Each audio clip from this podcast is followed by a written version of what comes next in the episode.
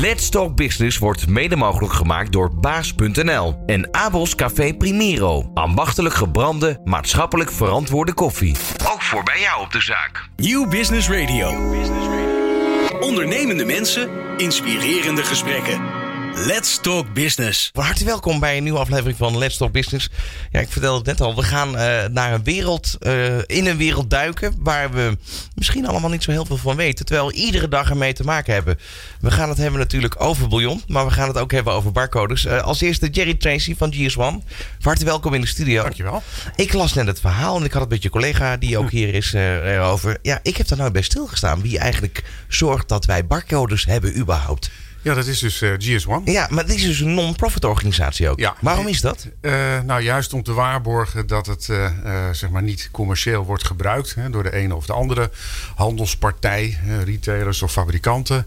is het belangrijk dat iedereen vertrouwen heeft dat het een, een, een, een standaard is die overal kan worden gebruikt.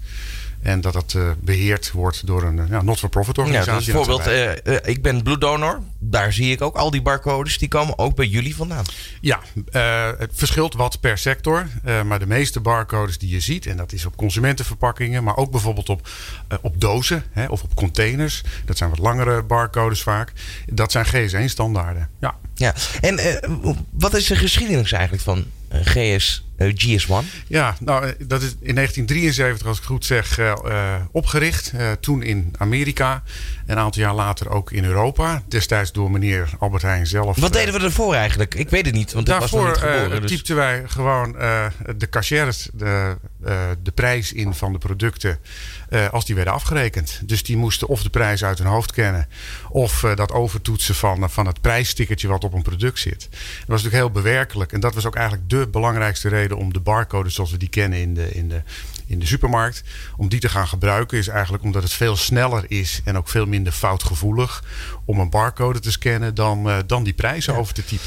Nou, toch dan even de, de praktische vraag: hoe komt een barcode tot stand? Nou, dus daar is door heel veel uh, geleerde mensen nagedacht. Je zou het niet zeggen, want het zijn er gewoon wat streepjes uh, naast elkaar. Uh, en in wezen de informatie die, die daarin zit, zijn gewoon 13 cijfers. Die staan er over het algemeen onder. Maar daar is heel lang over nagedacht hoe dat dan het beste zou kunnen werken. En ook altijd leesbaar met verschillende scanners en dergelijke. Dus dat is best een uitgebreide standaard. Dus Veel in 1973 had je al een scanner ervoor? Klopt, klopt ja. Oké. Dat is al meteen vanaf het begin erbij bedacht. En toen zijn supermarkten dat eerst in Amerika later ook in Europa, uh, massaal gaan, uh, gaan gebruiken. Ja. En dat is nog steeds zo. Ja, het heeft een enorm eh, effect. Uh, hoe groot is de onderneming in Nederland? In Nederland werken er ongeveer 70 mensen bij GS1. er zijn in 115 landen GS1-organisaties. En die helpen dus lokaal de bedrijven om de standaarden van GS1 te gebruiken. Ja. We gaan straks het verhaal horen van de Bouillon Brothers. Die bouillon die moest in één keer de winkel in. Ja. En toen? Ja. dat gaan we straks horen. Dat is een mooie cliffhanger misschien. Uh, maar vervolgens toch even de vraag. Want data ja, wordt steeds belangrijker. Uh, we kunnen er steeds meer mee. Wat is de data waar jullie bijvoorbeeld vandaag de dag aan denken voor de toekomst? Ja, nou eigenlijk is zo'n zo'n barcode, dat nummertje, daar begint het allemaal mee. Hè. Dat is de, de, het identificatienummer van een product. En vervolgens kun je daar en moet je daar ook allerlei informatie aan hangen over het product. En dan heb je het echt over honderden velden, hè, zoals we dat noemen. Uh, gegevenstukjes die bij het product horen, uh, die je kunt uitwisselen, maar die ook verwacht worden door je afnemers over het algemeen. Uh, omdat ze die nodig hebben voor je logistieke processen. Denk bijvoorbeeld aan afmetingen van een product. Het moet uiteindelijk op een schap terechtkomen, dus dat moet allemaal wel passen. Uh, maar ook in een uh, distributiecentrum. Uh, en ook velden die gaan over het product, de ingrediënten. tegenwoordig natuurlijk heel belangrijk ook online. En dat getoond kan worden op een website. allergene informatie, informatie over de herkomst van een product. Dat, dat zijn allemaal ja, stukjes informatie die nodig zijn in de supply chain, hè, ja, de keten. Ja, ja. Uh, en die uitgewisseld En, en is het dan zo dat, dat die, die ja, bekendheid eigenlijk van welke gegevens er allemaal in zitten, dat dat gestandaardiseerd is per, per product? Klopt, wie, ja. wie bepaalt dat? Doen jullie dat? Nou, dat doen wij samen met bedrijven. Hè, dus uh, diezelfde fabrikanten, uh, retailers, groothandels, andere partijen die betrokken zijn. vormen we eigenlijk een platform waar dat soort afspraken gezamenlijk worden gemaakt. En wij liggen die dan vast en we beheren die. En we zorgen dat we partijen weten wat de instructie is, wat de bedoeling is, hoe die informatie moet worden worden aangeleverd. Ja. De, de, komst van een QR-code, is dat nog iets voor jullie wat nadelig is? Of is dat een aanvulling? Nee, ook de, de QR-code is een GS1-standaard. dus in die zin is het een aanvulling. Er bestaat ook nog een, een, een data bar en een data matrix. er zijn allerlei vormen daarin. Uh, maar ook bijvoorbeeld, misschien wel aardig, de RFID-chip.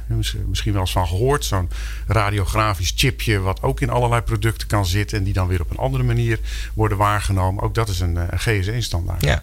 En, en, eigenlijk, wie, wie was nou de, de man die zeg maar, ervoor gezorgd heeft dat die barcode naar Nederland kwam? Ja, dat, dat was meneer Albert Heijn zelf. Echt persoonlijk. Die geloofde in, in het concept, zoals hij dat in Amerika had gezien.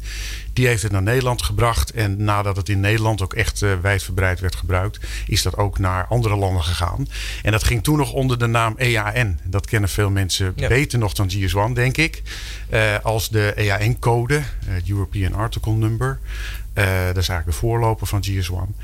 En dat was echt een, uh, ja, een persoonlijke missie van, uh, van Albert Heijn zelf. Ja, en ging dat zonder, zonder vlag of, of Nee, dat heeft dat echt nog wel wat mij wel een tijd geduurd, toch? Ja, ja, ja. daar gaan echt jaren ja. overheen. En dat geldt ook wel voor andere standaarden die we hebben. Dat is nooit van de een op de andere dag uh, geregeld. Uh, en je hebt echt nodig een aantal uh, ja, captains of industry die daarin geloven en die, daar, die daarachter gaan staan. En die standaarden, worden die nog aangepast? Los van alle gegevens die aan de achterkant eh, erbij genoteerd worden? Ja, voortdurend. Want er zijn iedere keer weer andere uh, informatie nodig of voor andere doeleinden. Dus wij hebben allerlei werkgroepen, uh, overlegorganen die samen die standaarden verder ontwikkelen of wijzigen als dat nodig is. Dus dat, dat is ook een belangrijk deel van wat wij doen. Straks gaan we eigenlijk de praktijk erbij halen. Ja. Hoe gaat dat dan? Nieuw Business Radio. Ondernemende mensen, inspirerende gesprekken. Let's Talk Business. Vandaag bij mij in de studio te gast Jerry Tracy van GS1 en Marijke de Laat van Bouillon Brothers. En uh, met Jerry hebben we het even gehad over het ontstaan van de barcodes. En uiteindelijk komt het dan op een product. Daarvoor is Marijke meegekomen. Zeker. Uh, ja, Marijke, jij hebt natuurlijk uh, uiteindelijk toch even dat hele verhaal van de Bouillon Brothers. jij kreeg vroeger van je oma en je moeder bouillon. Ja, als je ziek bent. was. Ja, dat is waar iedereen het van kent. Hoe kom dus, je op het idee om te denken: hé, hey, dit is best wel goed? Ja, want gaan we mee doen. wij zijn altijd gewend om met uh, bouillonblokjes te werken. Ja. Net zo makkelijk. Hè, om het allemaal echt uh, zelf weer traditioneel te maken. Ja, dat is toch een hoop werk. En ja. jij dacht: ja, wacht even, maar dit. Dan gaan we anders mee. doen. Jazeker. Nee, ja, echt letterlijk uh, aan de keukentafel uh, samen met mijn vriend. Uh, en het idee van ja, we hebben altijd al de droom gehad om iets voor onszelf te beginnen. Maar ja, waarin dan en waarom dan? Um, en eigenlijk hadden al wel van oké, als we dan iets met elkaar gaan beginnen, dan is het wel de bedoeling dat dat zeg maar ook aansluit bij onze eigen kennis en expertise en interesses. Uh, nou, die van mij zit heel erg op aan de ene kant marketing, maar ook sportgezondheid. Hij zit veel meer, uh, nou ja, hij was directeur van een hotel. Dus op een gegeven ogenblik echt brainstormend en wel, uh, ja, dat het iets met food moest gaan zijn, dat wisten we. En toen riep hij in één keer, hey, we gaan iets doen met verse bouillon. En toen zijn we dat eigenlijk ook letterlijk gaan onderzoeken. En, dat ja. hebben jullie allemaal gedaan om, om uiteindelijk tot het juiste recept te komen? Uh, nou, heel veel proeven en heel veel proberen en experimenteren en nog een keer proeven en uh, met andere mensen het daarover hebben. En uh, nou ja, uiteindelijk komt er dan een recept uit waar je denkt, ja, dit is het, dit klopt. En ja, daar worden mensen enthousiast van. Um, en ja, dan heb je het idee en dan heb je je recept. Maar ja, hoe Ja. dan verder? En ik heb ook begrepen dat wij een soort van testpanel zijn van vandaag Zeker. deze uitzending. Absoluut, Ja, Dus dat gaan we straks ook doen. Maar goed, vervolgens moet je dan ergens een pand vinden Klopt. of hè, Ja. de onderneming verder eh, doorstarten. Hoe, Ja. is dat gegaan? Nou ja, aan de ene kant hadden we dus nou, het idee en dan zoiets, oké, daar kunnen we wat mee. Maar inderdaad, hè, nu het verhaal gaan uitdragen. En toen kwam er eigenlijk eh, letterlijk ongeveer naast waar wij wonen, kwam er een winkelpandje, stond te huur. En toen hadden ze iets, hé, hey, dat is misschien wel interessant en eh, laten we daar eens gaan praten. Nou, uiteindelijk hebben we dus dat bandje inderdaad gekregen. En hadden ze iets, oké, dan hebben we daar winkel. En vanuit die winkel kunnen we in ieder geval het verhaal gaan vertellen. En mensen ook gaan vertellen waarom ze inderdaad voor verse bouillon moeten kiezen versus een of een zakje. Uh, nou ja, uiteindelijk heeft uh, nou, mijn vriend zijn baan opgezegd uh, om daar dus fulltime in te gaan. Ik ben in eerste instantie nog blijven werken. En meer zoiets van, nou ja, weet je, dan hebben we in ieder geval één vast salaris. En kunnen we vanuit die hoedanigheid doorgaan of in ieder geval het gaan uitbouwen. en zo zijn we eigenlijk begonnen. Hoe makkelijk is het om het verhaal te vertellen? Want iedereen is ermee opgevoed eigenlijk. Eens, maar het blijft nog wel, ja, blijft een uitdaging. Uh, zeker ook omdat je eigenlijk, mensen zijn zo gewend om nou, heel mooi te koken, maar toch een bouillonblokje of een zakje in te gooien. En mensen staan daar gewoon niet bij stil. En ehm, uiteindelijk ja, is dat dus voor ons een van de belangrijkste dingen om echt mensen te vertellen: van nou, weet je, je kookt zo mooi. Uh, doe er dan ook ja, een kwalitatief goed product bij. En mensen hebben bij verse bouillon heel vaak of ze zeggen: ja, maar daar heb ik toch zelf helemaal geen tijd voor om dat te maken. Of uh, uh, ze weten niet hoe het moet. Uh, en ze realiseren zich niet ja, wat, hoe eigenlijk gezond het voor je is. nou ja, en hoe lekker natuurlijk. Maar dat gaan we straks ja. horen. Um, nu is het zo dat de tweede winkel inmiddels geopend is. Ja, in de Warmoestraat. Klopt. Dat is al heel mooi. Ja.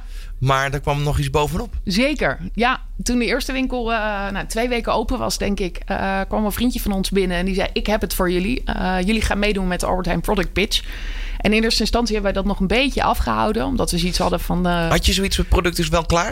Uh, nou ja, we hadden nog niet eens een verpakking. dus ja, alleen maar goed in de zin van de smaak. Bedoel, ja, smaak. Ja, die hebben we tussentijds ook Hoe nog. Hoe lang ben je daarmee bezig geweest? Uh, dat is een goede vraag. Ja, wel. Woe, wel, ja, wel een hele tijd. En uiteindelijk toen we ook de prijs gewonnen hadden... zijn we ook nog wel verder gaan ontwikkelen. Dus ik denk dat we daar anderhalf jaar... Uh, heeft het wel geduurd voordat we er waren. Qua echt, oké, okay, hier zijn we tevreden over... en dit is waar we, waar we de markt mee op willen. Ja, dus, en, uh, en ja, dan ga je dus in één keer leveren aan Albert Heijn. Ja, klopt. Dat betekent nog wel wat voor de productie. Zeker, absoluut. Dat aan de ene kant. En aan de andere kant dus ja, verpakkingswise... en uh, nou ja, from scratch beginnen met... oké, okay, we hebben een product, namelijk bouillon. Maar waar gaan we dat in stoppen? Uh, nou, een verpakking ontwerpen. Waar moet dat dan allemaal aan voldoen? Welke richtlijnen? Hoe gaan we het überhaupt vanaf uh, ja, bij Albert Heijn krijgen in het warehouse en al dat soort dingen? Grappig is er ook wel weer dat er een soort van overeenkomst zit. Hè? De Zeker. barcode komt via Albert ja, Heijn naar Europa. Absoluut, ja, we hebben een match. En, en het is echt een match. En, en dankzij Albert Heijn kunnen jullie pitchen en is straks heel Nederland absoluut. bekend met ja. jullie product. Absoluut. Ja, nee, dus dat, voor ons is dat natuurlijk een super mooie kans. Uh, en ook ja, het platform, hè, het grote Albert Heijn, waar in één keer dan jouw product op het schap staat.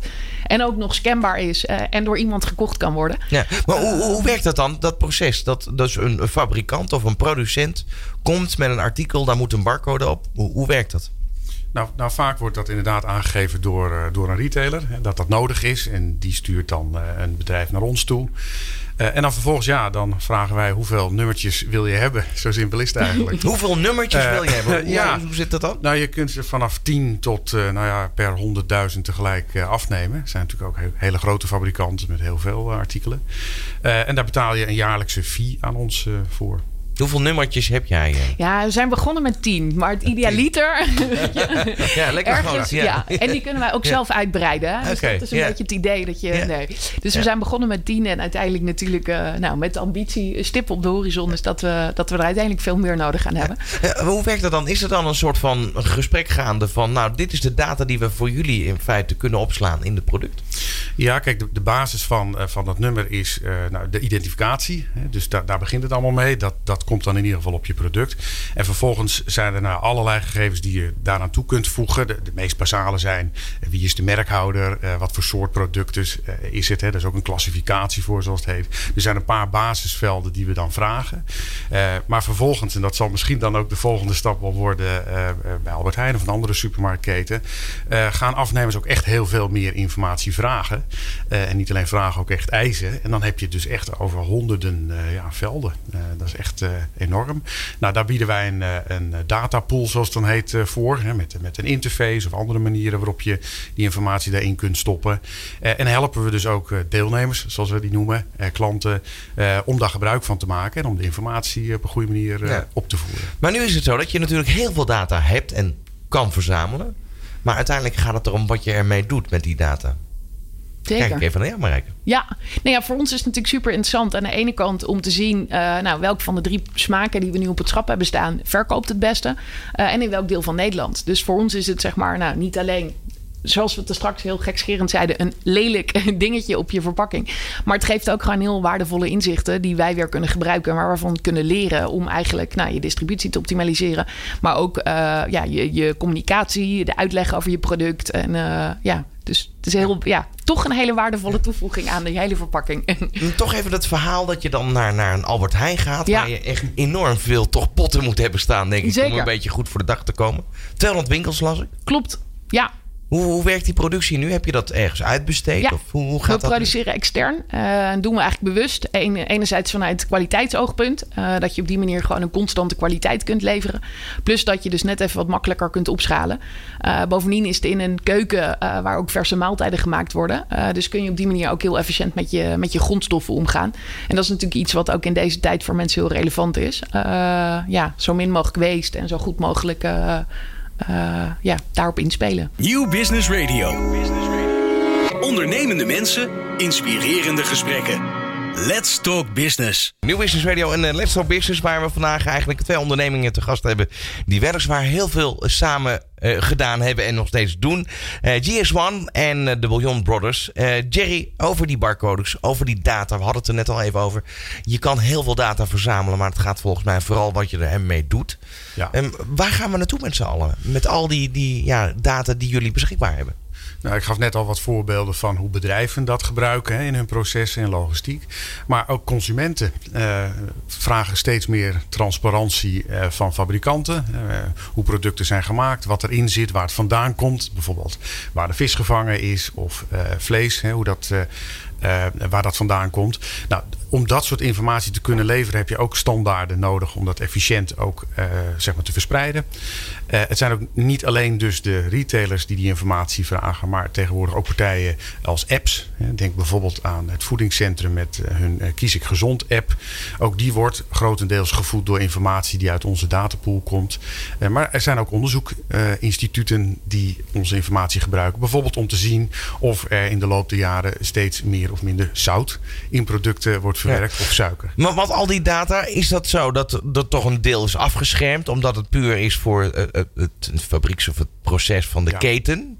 Ehm, en daarnaast eigenlijk ja, de afkomst van het product. En dat mag je dus wel weer transparant naar buiten brengen. Klopt, de, dat is een goede. De, de leverancier bepaalt aan wie die, die data publiceert. Hè, eh, welke retailers. Nou, in dit geval zou dat bijvoorbeeld Albert Heijn alleen zijn, maar dat kunnen er later meer eh, worden.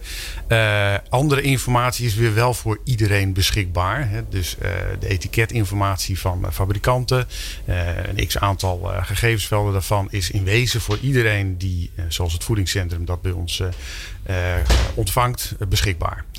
Dus, eh, dus dat is verschillend. Ja. Ja. Ehm, ja, en nu zijn jullie met de Bouillon Brothers Ja. natuurlijk eigenlijk ook wel een beetje op een missie uit. Van gezondheid Zeker. is heel erg belangrijk voor jullie. Ja. Ehm, dus ja, volgens mij is het uh, kat in het bakkie. Ja, dat is wel. eh, nee, daar moeten we hard voor werken en dat is niet erg. Eh, het, ja, weet je, we iedere keer weer een stapje verder zetten. En ook meegaan met, eh, nou, met de tijd en de trend. En aan de ene kant inderdaad die gezondheidstrend. waar we natuurlijk een relevant product bieden. En aan de andere kant eigenlijk ook de gemakstrend. Mensen, ja, weet je, ze willen en gezond eten, maar wel zonder gedoe. En daar niet uren voor zelf in de keuken hoeven staan. Uh, dus op die manier uh, ja, sluiten we eigenlijk daarbij aan. En uh, hopen we dan dus nou, via een platform als Albert Heijn... zoveel mogelijk mensen in Nederland te bereiken... Ja. om eigenlijk aan de verse bouillon Hoe zit het dan eigenlijk met de houdbaarheid van deze bouillon? 30 dagen vanaf productie. Dus, uh, en dat heeft ermee te maken dat alles wordt helemaal gezeefd. Uh, en dan is die dus ja, echt 30 dagen en dan gaan verder geen, uh, geen gekke dingen in. Um, dus ja, puur natuur. Ja, en, en, zie je bijvoorbeeld ook uh, als je kijkt naar diverse uh, detailhandels, retailers. Um, wat ik bijvoorbeeld zie is bij een, biologische winkel waar je al precies ziet waar de vis gevangen is. Dat soort zaken. Nou, dat, dat... In hoeverre kan, kunnen je daar iets uh, in, in, betekenen al in de toekomst? Nog maar een beetje. Wat je nu ziet is dat het met name dat het dan niet zozeer is de informatie waar het precies vandaan komt, maar het keurmerk dat aangeeft dat het nou ja, op een bepaalde manier gevangen is. Uh, uh, dat soort informatie hebben wij wel al beschikbaar. Echt heel specifiek deze vis of deze partij vis, uh, uh, waar komt dat vandaan? Ja, dat gaat nog een stap verder. Dan, dan maar dat is wel waar jullie naartoe Dat zeker waar we mee bezig zijn. Ja. Dan, dan, heb je het over dat heet dan traceability. Ja. Hè, van kun je niet alleen terugzoeken waar het vandaan kwam, hè, maar ook precies uh, aangeven van wat is wat. dat is eigenlijk de volgende stap waar het heen gaat. Ja, en dat, dat eisen consumenten ook steeds meer dat ze dat kunnen, uh, kunnen volgen, kunnen ja. zien. Nu ben je een non-profit organisatie. Dus ik kan me ook voorstellen dat je ergens aan bepaalde transparantie en regels gebonden bent. Uh, maar toch wil je ergens de consument van dienst zijn. Is dat niet een soort van conflict waar je een beetje in zit? Nou, klein beetje wel. Maar het is ook samen met de fabrikanten dan met name, eh, de leveranciers, dat we overeenstemming hebben over de doelen waarvoor eh, de data gebruikt eh, kan worden. Maar je ziet wel dat fabrikanten daar steeds opener in staan en realiseren dat, dat er in wezen geen geheimen zijn of kunnen zijn. Uiteindelijk wat er op je verpakking staat is ook allemaal wettelijk verplicht en dat is uiteindelijk ook publiek. Dus of dat dan digitaal beschikbaar is of niet, is eigenlijk niet zo heel relevant. Maar dat is dat, is, dat is wel iets waar we rekening mee moeten houden. Ja. En als ik dan kijk naar de Bouillon Brothers, die transparantie is volgens mij een van jullie kernwaarden. Zeker, ja. Want daarom ben je het begonnen. Absoluut, ja. Uiteindelijk ook vanuit de gedachte, mensen willen gewoon weten wat ze eten. Um, dus dat betekent ook dat alle grondstoffen die in ons product gaan, daar willen we ook van weten waar het vandaan komt. En het liefst zo dicht mogelijk uit de buurt, uh, zodat je ook nog met je footprint goed zit. Um, maar ja, dus en ook antwoord kunnen geven op die vragen. En niet, uh, oké, ja, weet je, ik koop nu een product en ik heb geen idee. Maar het is echt gewoon, ja, 100% duidelijk wat erin gaat, hoe het gemaakt wordt. Uh, nou, hoe lang het eigenlijk op het vuur staat om tot product te komen wat nu uh, op het schap staat. Hoe lang staat het al op het schap überhaupt? nu drie weken. Drie weken, dus dat is nog maar heel kort eigenlijk ja, zeker. ook. echt heel kort. Dus, ja. Hoe zie je de toekomst tegemoet? Uh, nou ja, het liefste staan dus nu, nou, wat je er straks al zei, in 200 winkels. Uh, uh, en we hebben twee eigen winkels. Ja, idealiter eh, breiden we dat natuurlijk uit. Enerzijds qua aantal verkooppunten wat we hebben. Eh, en anderzijds qua aantal producten of aantal smaakvarianten. we hebben er dus nu drie. één vegetarische en een kip en een rund. en het idee is natuurlijk dat je ook daar, ja, daar kan je nog eindeloos in variëren en in uitbreiden. Uh, dus dat zijn eigenlijk wel de twee dingen uh, ja, waar we ons op richten. En om gewoon zo goed mogelijk en zo, zo veel mogelijk ons verhaal te vertellen. Uh, ja. ja. Als je kijkt naar de Nederlandse keuken ten opzichte van bijvoorbeeld uh, de, de, ja, de, de, een beetje de mediterrane landen. Ja. Maar bouillon eigenlijk vaak de basis is van gerechten. Kijk naar paella, kijk naar uh, risotto en, en dergelijke. Ja, dat zit de Nederlandse cultuur niet zo heel erg ingebakken volgens mij. Nou, Gaan we een trend krijgen, denk je? Nou ja, de vraag is of het een trend is. Uiteindelijk is het, uh, we noemen het zelf ook wel eens voor het gemak oma's kookgeheim. Oma kookte vroeger ook. Ik bedoel, er stond altijd, nou niet altijd, maar vaak uh, gewoon een pot bouillon uh, of een pan bouillon te pruttelen bij oma. en zij gebruikte dat ook. Weet je, het is het fundament van de keuken. Um, en ja, vaak zijn we dat een klein beetje vergeten. maar ook dat authentieke, dat gewoon weer terug naar vroeger, komt natuurlijk wel gewoon terug. En op het moment dat mensen uiteindelijk ook nou, gaan merken dat dat dus qua smaak en dergelijke, uh, ja, weet je, en ik ben een beetje bevoordeeld, dat snap ik. Uh, maar als ik een risotto maak met verse bouillon en ik zet daarnaast een risotto uh, met een bouillonblokje, ja, je proeft gewoon wel het verschil. en aan de ene kant is het smaak en aan de andere kant is als je kijkt naar voedingsstoffen, ja, dan ben je gewoon wel lekker bezig. Ja, en doordat het ontwikkeld wordt, heb je ook gemak. Absoluut, zeker weten. Nieuw Business Radio. Ondernemende mensen, inspirerende gesprekken. Let's Talk Business. Het moment is uh, daar uh, dan uiteindelijk waar ik me ook wel op verheugd heb een beetje. We gaan het bouillon proeven. Ja. Zeker. nou uh, Marijke, um, even kijken. Ik heb hier een aantal mokken staan. Ja. Jerry gaat ook proeven. Ja. Is het voor jou de eerste keer Jerry dat je... Ja, eigenlijk dat wel. Je deze, dat, is een, dat, is een, leuk moment natuurlijk. Zeker. wat hebben we hier? Ik, ik, ga even vragen wat hier in deze mok zit. Nee, de eerste die we hebben is de miso bouillon. dus dat is de vegetarische bouillon. Ja. Uh, eigenlijk uh, op basis van uh, gefermenteerde soja en zeewier. Um, ja, dus... Ja. We gaan eerst even proeven. En dan vervolgens heb ik hier ook een flyertje voor me. Ja. en moet je zo meteen maar eens even uitleggen, want hoe, hoe werkt het dan ja. in de winkel bijvoorbeeld Precies. bij jullie? Nou, wat, wat je dus doet is eigenlijk... Nou, we hebben de drie basisbouillons... waarvan we dus nu de miso aan het proeven zijn. We hebben dus ook nog kip en rund. Uh, en het idee is dat je die eigenlijk afmaakt met toppings. Heerlijk. Uh, nou, of dus met wat lichtere toppings. En dan is het een gezonder vervanger van een kopje koffie. Uh, of met, nou, noem het wat vullendere toppings. Uh, uh, kip, noedels, ehm, ja, gehaktballetjes, groenten. en dan heb je hem eigenlijk gewoon als gezonde lunch of, of een gezond diner. Dus dat zijn eigenlijk de twee toepassingen die we in de winkel hanteren. en dan kun je natuurlijk ook nog meenemen, nou, waar we het er straks al even over gehad hebben, als basis om mee te koken. Ja. dus voor een lekkere risotto, een stoofpotje. Hoeveel heb je nodig? Want ik ben ook even naar de prijs aan het kijken. Ja. Kan me ook voorstellen dat mensen alsnog denken van ja, een bouillonblokje is een stuk goedkoper. Klopt, uh, dat aan de ene kant. Maar waar je wel rekening mee moet houden, is dat op het moment dat je het met verse bouillon doet. Normaal, nou, denk even aan een risotto. Als je die zelf thuis maakt en dan schenk je er continu nou, hè, bouillon bij. Uh, op het moment dat je daar uh, de bouillon bij schenkt op basis van een bouillonblokje, dat verdampt heel snel, omdat het natuurlijk heel veel water is. En hier heb je dus veel minder nodig uh, om eigenlijk hetzelfde effect te bereiken. Het is erg lekker. Dus, kan nou, gelukkig. Een stuk, een stuk minder zout, zou ik Zeker, zeggen dan. ja, het is minimaal in zout en ja. ja. ja maximaal in, in goede voedingsstoffen. Oké. Okay. Um, we hebben net de miso bouillon geproefd. Ja. Volgens mij gaan we door nu naar de, de volgende. Want Ja. we hebben nog twee andere smaken. Ook de kip en de, De rund. de rund. Ja, nee, dus we gaan eerst eh, de kip Wat is doen. nou echt de moeilijkste bouillon om te maken van deze smaak? Dat is een goede vraag. Eh, Je hebt er voor alle drie, ja, ze hebben hun eigen complexiteit en eh, ehm, eh, ja, hun eigen zeg maar bereidingswijze. Het, eh, je hebt vooral heel veel geduld nodig. De kip en de rund, die laten we echt voor nou, meer dan 16 uur op hele lage temperatuur pruttelen. Zodat aan de ene kant echt alle goede voedingsstoffen uit die, uit die botten eruit komen. Waardoor het dus zo goed voor je is. En aan de andere kant alle goede smaken. Waardoor je nou ja, hopelijk iets heel lekkers overhoudt.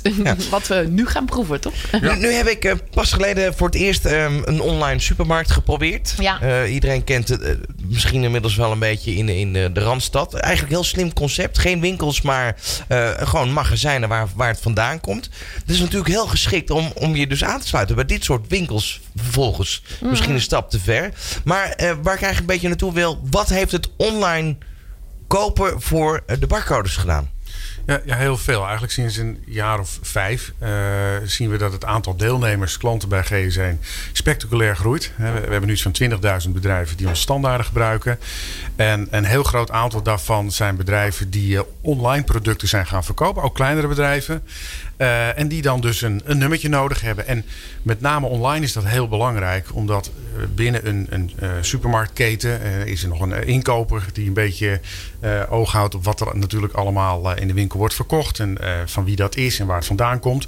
Maar online platforms, marktplaatsen verkopen natuurlijk vele duizenden, zo niet miljoenen producten. Ja. Die worden vaak door nou, leveranciers zelf geüpload en aangeboden en ook verscheept. En om dan nog te voorkomen dat je verwarring krijgt over welk product is nou eigenlijk van wie. en wie gebruikt nou eigenlijk het, eh, het unieke nummer eh, dat ook bij GS1 eh, is geregistreerd.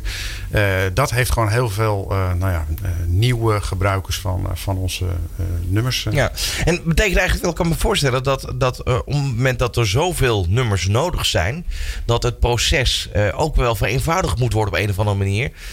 Heb je kans dat ze anders langs jullie heen gaan werken? En welk proces bedoel je? Nou ja, die nummers moeten aangevraagd worden. Wellicht Ah, dat, ja. dat, dat, dat bedrijven zeggen van nou, we doen het in-house. Verzinnen we een systeem. Ja, nou ja, dat gebeurt ook wel. Eh, o- zeker ook bedrijven die bijvoorbeeld verticals, zoals dat heet, in de mode bijvoorbeeld. Hè, zijn er merken die eh, zelf hun eigen eh, kleding hebben produceren, eigen merken, eigen winkels, helemaal in eigen domein. Daar zou je in principe met je eigen nummersysteem uit kunnen. En dat gebeurt ook wel. Alleen wat we natuurlijk ook zien is dat steeds vaker dan toch dat soort merken ook weer bij andere platforms worden verkocht. En dan moet je alsnog. en dan moet je alsnog. Hè? Dus eigenlijk is, is dat nou ja, niet, niet altijd heel verstandig eh, op de langere termijn om dat, eh, om dat zo zelf te doen. Hoe eenvoudig was het voor jullie om zo'n barcode aan te vragen? Het aanvragen zelf was eigenlijk super eenvoudig. Ehm, en van tevoren heb ik, nou ja, uiteindelijk kom je uit bij GS1. eh, en eh, nou, daar staan ook super mooie allerlei tutorials en allerlei instructievideo's en dergelijke op de site. Dus die ben ik eerst even gaan bestuderen. eh, zodat ik beter begreep hoe en wat. En nou, hè, wat heb ik dan precies nodig en hoe. En dan is het aanvragen is, natuurlijk, je gaat door een soort proces heen. Maar dat voelt ergens ook wel weer heel veilig en goed. Dat het niet zomaar twee seconden werk is en dat je dan eh, die barcodes eh, in je inbox hebt zitten. Eh, maar dat daar wel gewoon ja, een soort gedegen dingetje aan vooraf Ja. gaat. En dat, ja, dan heb je uiteindelijk, ben je de trotse bezitter van. Ja, je had het net al even over de, over de data die beschikbaar is. Ja. Onder andere de verkooppunten, welke producten waar Ja. verkocht worden. Kan, je- kan je er iets over vertellen over deze smaken bijvoorbeeld? Is, is dat per gebied of, of hoe moet ik dat zien? Eh, het is, nou, wat je nu ziet is dat kippenbouillon is wel hetgeen wat, ja, wat mensen natuurlijk het meest kennen eigenlijk. Uh, dus dat is er eentje die, uh, die het in bepaalde delen van Nederland ook gewoon heel erg goed doet. Nou, aan de andere kant is de vegetarische variant natuurlijk ook eentje die... ja, er zijn steeds meer mensen daar ook heel bewust mee bezig. Dus dat zie je gewoon dat dat, ja, dat, dat ook heel lekker gaat. Um, en ja, de, qua de rundebouillon, die gaat ook goed. Maar ook gewoon, ja, je merkt dat ja, wat mensen... ja, mensen moeten gewoon nog wennen aan sommige dingetjes. Is, is dat heel anders dan in de winkel? Wat, wat kan je nu werkelijk uit die winkels halen? Ik bedoel, dus stel je bent alleen producent, je hebt geen winkels. Uh, dan, dan is deze data volgens mij cruciaal ook. Zeker. Maar heb je winkels, kan je natuurlijk wel iets meer experimenteren. Ook. Absoluut. Eh, aan de ene kant experimenteren en aan de andere kant gewoon ja, kwalitatief toetsen. Uh, dus bijvoorbeeld als je het dan hebt over de verpakking en het design van de verpakking. Uh, we hebben heel veel van onze nou ja, gasten in de winkel of klanten of hoe je ze ook noemen wil. Gewoon uiteindelijk gaandeweg het designproces. ja, het, het, het ontwerp eigenlijk, het design laten zien. Van nou, wat vind je hier nu van? Je kent ons product, maar hè, reflecteert dit op de juiste manier het verhaal wat we willen vertellen? Dus dat is dan uiteindelijk de kwalitatieve data die, ja. Uh, die ja, beter marktonderzoek dan dat is er uh, op kwalitatief niveau bijna niet. Nou, en als je dat dan aan de andere kant kan koppelen met kwantitatieve data, uh, onder andere uit barcodes, dan is dat natuurlijk wel een hele mooie, hele mooie combi. Hoe kijk je naar de toekomst als het gaat om online verkoop? Is dat een, een mogelijkheid voor jullie? Heel graag zelfs. Uh, is voor ons verkoopkanaal waar we nu, uh, je, gebruiken online nu met name eigenlijk om awareness te bouwen. Uh, maar uiteindelijk ook weer vanuit gemaksoogpunt zie je natuurlijk ook dat steeds meer mensen richting het online kanaal gaan als het gaat om boodschappen doen. dus ook voor ons zou dat ja, heel slim zijn. Ik bedoel, denk aan maandabonnementen, denk aan nou ja, pakketten. noem het detox pakkettenachtig, die kant op. dus dat is zeker eentje die op het lijstje staat. New Business Radio. New Business Radio. Ondernemende mensen, inspirerende gesprekken. Let's Talk Business. New Business Radio in uh, Let's Talk Business. Waar vandaag Jerry Tracy van GS1 en uh, Marijke de Laat van de Bouillon Brothers te gast zijn. Uh, waarin we net toch heerlijk getrakteerd zijn op drie smaken bouillon hier in de studio. Marijke, ja, we hebben de kip geproefd. Nou, dat is echt wel eventjes anders dan wat ik gewend ben, om eerlijk te zijn. Zeker, ja. Ja, die ja. kun je de hele dag drinken. Kun je de hele dag drinken. nou, dan de, de rundelbouillon ook. Um, ja. Nu kan me voorstellen dat je natuurlijk uh, al verder aan het kijken bent naar andere smaken. Zeker. Um, de vissmaak, wanneer komt die? Ja, de, nee, dat is even afhankelijk. We zijn nu gewoon heel goed inderdaad aan het experimenteren en aan het kijken. Oké, wat zijn nou relevante smaken uh, die ook aansluiten bij de behoeften van de doelgroep? Uh, dus dat zou vis kunnen zijn, dat zou weer veel meer de vegetarische kant op kunnen zijn, dat zou, weet ik veel, ons seizoensbouillon kunnen zijn. Dus in dat opzicht zijn uh, de mogelijkheden eindeloos. Ja. Komen we toch weer bij de verpakking? Ja. Heel slim eigenlijk. Het is overal Dank gewoon, je. toch? te gebruiken meteen Zeker. en dan ja, absoluut. Ja, het is in principe, Opwarmen. ja, je kan hem dus of uh, zo direct nou, opwarmen in de, nou, in de magnetron en eigenlijk als to-go gebruiken. Uh, eventueel wat groente erbij en je hebt eigenlijk gewoon een goede, uh, ja, een goede gevulde lunch. Of dus als vervanger van die kop koffie. Um, ja, met aan de binnenkant nog een stukje waarom je het zou moeten gebruiken en wat recepten. Wat is nou het verschil met fond eigenlijk? Uh, fond is eigenlijk, dan wordt het uh, nog verder ingekookt. Um, en uh, daar hebben wij uiteindelijk bewust niet voor gekozen. Omdat ja, dan verdampt er dus ook nog van alles. maar je kunt natuurlijk niet kiezen dat het alleen het water verdampt. Dus dat betekent dat er ook een aantal van de goede voedingsstoffen verdampen. Dus vandaar dat wij daar eigenlijk bewust voor gekozen hebben om het bij de verse bouillon te laten. Ja. De online markt die, die is voor Ja. jullie eigenlijk, ja, dat is waar je graag naartoe wil. Ja. In hoeverre zijn het de, ja, de ambities internationaal? Is uh, ook nog een goede. Uiteindelijk, uh, uh, ja, bouillon ook in het buitenland. Nou, jij Internationale net, naam ja. gekozen in ieder geval. Ja, Bewust? Uh, ja, ja en nee. Uiteindelijk, uh, um, hoe zeg je dat? Zit daar ja, ook ambi de ambitie in om, uh, om ook wel uh, eerst Nederland te veroveren en dan de rest. We zijn overigens eigenlijk al een beetje internationaal. We zijn ook in 12 Albert Heijns in België verkrijgbaar. Dus uh, sinds drie weken. Stel je voor, je gaat internationaal. Wat heeft het dan eigenlijk met de, voor de barcode? Heeft dat nog gevolgen? Nee, juist niet. Dus dat is het, het, het voordeel ook. Het is een internationale standaard en, uh, uh, en systeem. En ook de datapool waar ik het over had voor het uitwisselen van, uh, van productinformatie, dat kan, wordt ook wereldwijd gebruikt. Dus je kunt ook publiceren aan een retailer in Amerika of Australië of ergens anders in de wereld. En dat is ook het grote voordeel voor leveranciers. Dat ze op één plek feitelijk die data maar hoeven in te geven. En vervolgens kunnen ze dat nou ja, aan alle afnemers die zij willen uh, ontsluiten. Ja. Uh, ik kan me ook voorstellen dat op een gegeven moment de winkel, de retailer denkt: ik ga de data die we krijgen via de barcode koppelen aan de data die wij hebben eigenlijk van onderzoeken van klanten die we binnenkrijgen. Ja. Is dat iets wat al al gebeurd? Ja, zeker. Dat is niet iets wat wij zien of waar, waar wij bij betrokken zijn. Maar ja, dat, die uh, informatie wordt natuurlijk gekoppeld, onder andere aan verkoopinformatie. Uh, en over het algemeen ook wel, in ieder geval tot op zekere hoogte, gedeeld met fabrikanten, leveranciers. Om samen weer te kijken van uh, welke smaken lopen het hardst of in welke gebieden.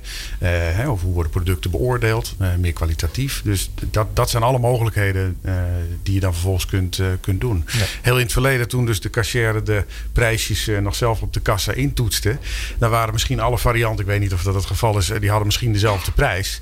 Dus uh, dan was er ook maar één nummertje voor uh, Bouillon Brothers. Uh, en kon je dus nooit achterhalen welk product nou uiteindelijk het best verkocht was.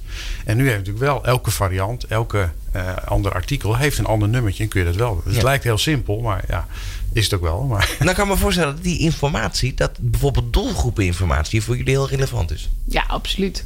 Ja, en zeker aan de ene kant dus uh, om ook al je communicatie en dergelijke verder op af te stemmen. Maar ook, nou ja... Wat is er al enige data beschikbaar voor jullie? Uh, ja, we krijgen netjes gewoon iedere week uh, verkoopdata terug uit alle winkels. Uh, en dat helpt ons natuurlijk. Ook gekoppeld weer, aan een bepaalde doelgroep, een bepaalde. Bes, bes, nee, dat zijn we uiteindelijk. De data die we nu terugkrijgen is echt verkoopdata. Dus dat zijn rotatiecijfers. maar die kunnen we natuurlijk zelf ook weer koppelen aan wat, we, wat we zelf doen qua marketing inzet. Ook online weer. En op social media. En dan kun je op die manier weer verder bouwen en optimaliseren. Om zo nou, eigenlijk doelgroepverrijking ja, te laten plaatsvinden. Ja.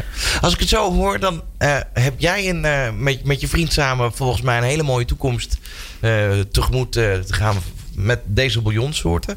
Als het gaat om de barcodes, zien die er over tien jaar ook nog zo uit zoals we ze nu kennen?